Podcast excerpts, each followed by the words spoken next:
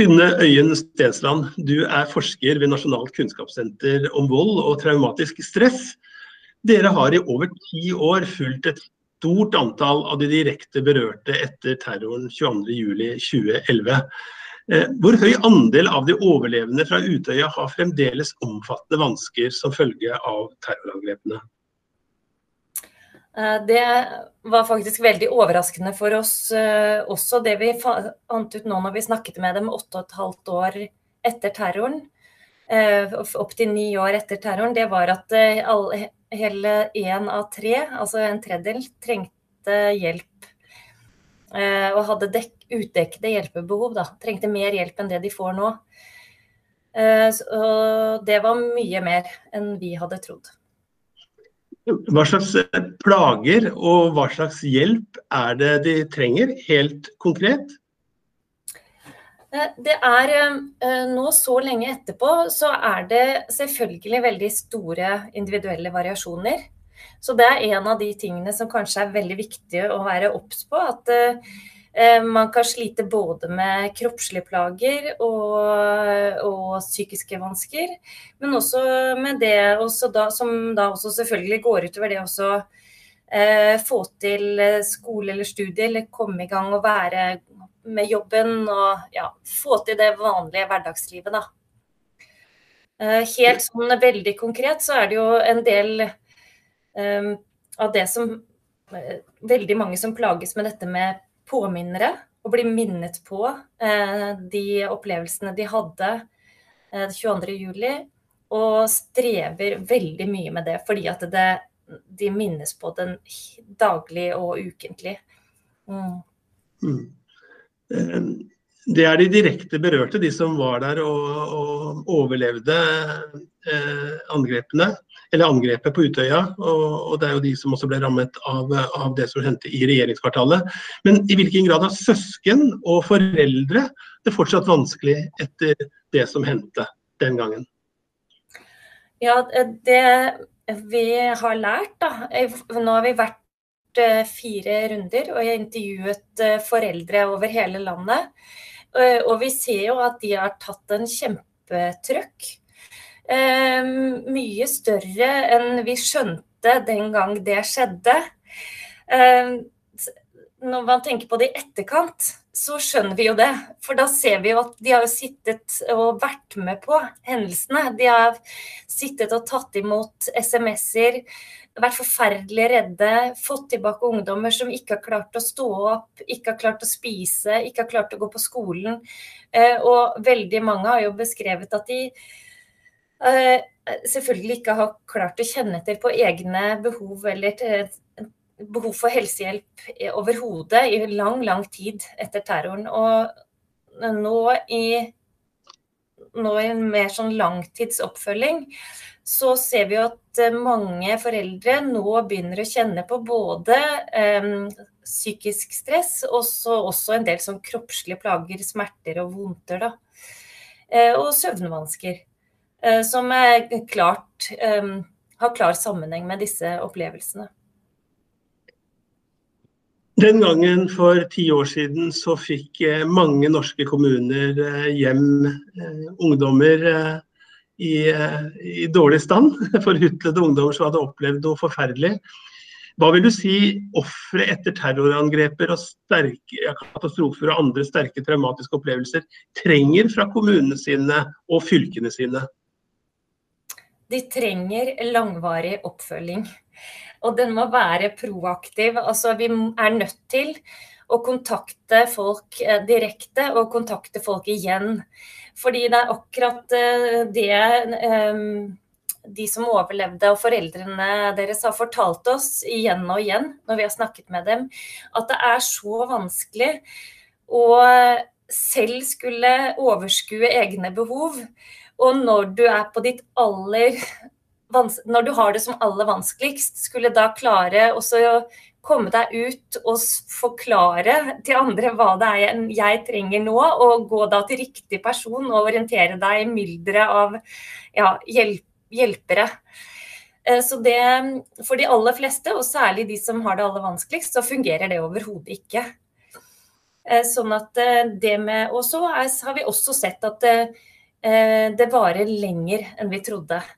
At, også kanskje spesielt for ungdommer som skal gå fra å være unge til å bli unge voksne, hvor det er så mange andre forandringer i livet som, som ellers også ville ha skjedd. Sånn som det å skulle flytte hjemmefra, kanskje skulle begynne å studere eller jobbe. Ja, skaffe seg familie. Altså veldig mange sånne ting som gjør at uh, livet har sine vanlige utfordringer, som er ganske overveldende allerede.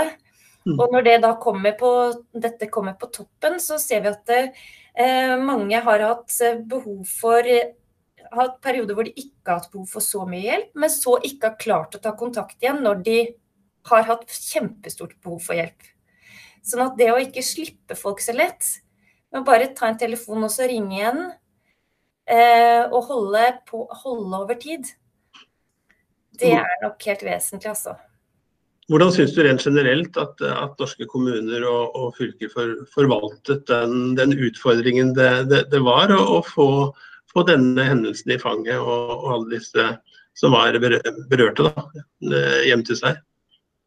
Der tror jeg at vi blei tatt på senga, faktisk, alle sammen. Vi hadde ikke sett for oss uh, at, uh, at, dette skulle skje. Uh, vi var ikke forberedt.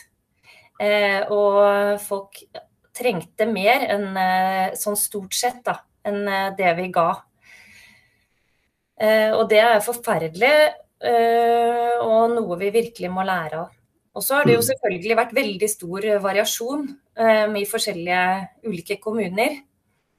Og veldig mange fagpersoner som virkelig har gjort alt de kan. Og så er det en del kommuner som ikke har gjort nok. Nå har jo dere forsket på hva som har hendt, så jeg vet ikke i hvilken grad det er riktig å spørre deg om det. Men, men hvilke, hva slags inntrykk har du eh, i dag av, eh, av, beredskapen, eller hvordan kommuner og fylker er i stand til å håndtere det dersom, eh, dersom det utenkelige skulle hende igjen? Det, nå har vi jo fått litt mer erfaring, for vi har jobbet også med i forhold til pandemien, og vi har alle kjent på det. Eh, i over et år. Og så hadde vi den forferdelige leirskredet i Gjerdrum over eh, i nyttårshelgen. Um, og vi ser jo det uh, igjen og igjen. Først tsunamien, og så hadde vi Utøya og regjeringskvartalet. Uh, og så senere katastrofer. At vi er ikke godt nok forberedt.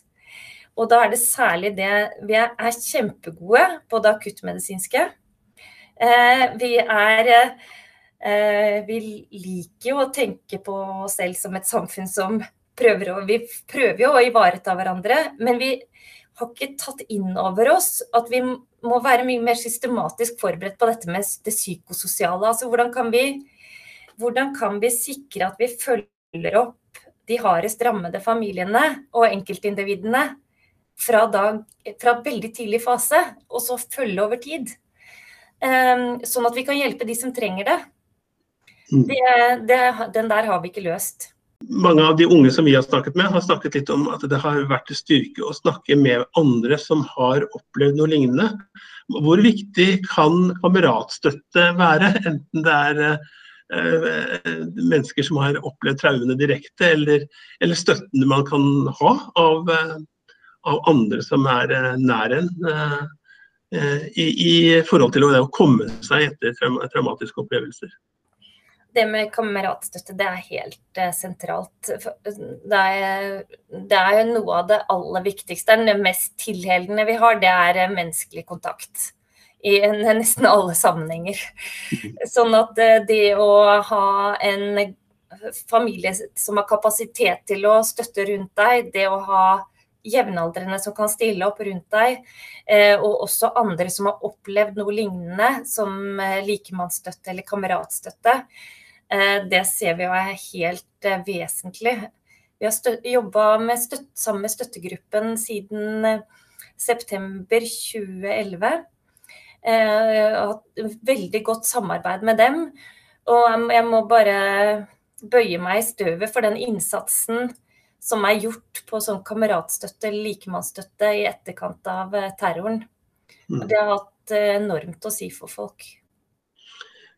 Denne undersøkelsen er jo helt unik i verdenssammenheng også, hvis jeg forstår riktig.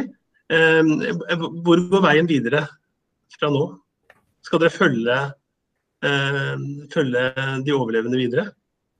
Ja, vi ønsker å, å, følge de overlevende videre. Og vi ønsker også å fortsette det gode samarbeidet med støttegruppen nettopp for å klare oss å få med så mange som mulig, og også sette fingeren på de tingene som har betydning da, for folk som er rammet. Mm. Sånn at man faktisk kan gjøre en forskjell med den kunnskapen som kommer ut. Men uh, det er dessverre ikke sånn at uh, det er noen som setter av penger til sånne ting.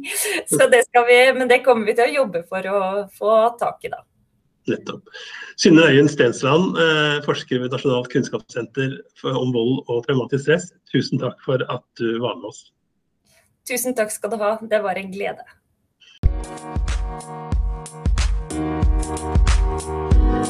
Música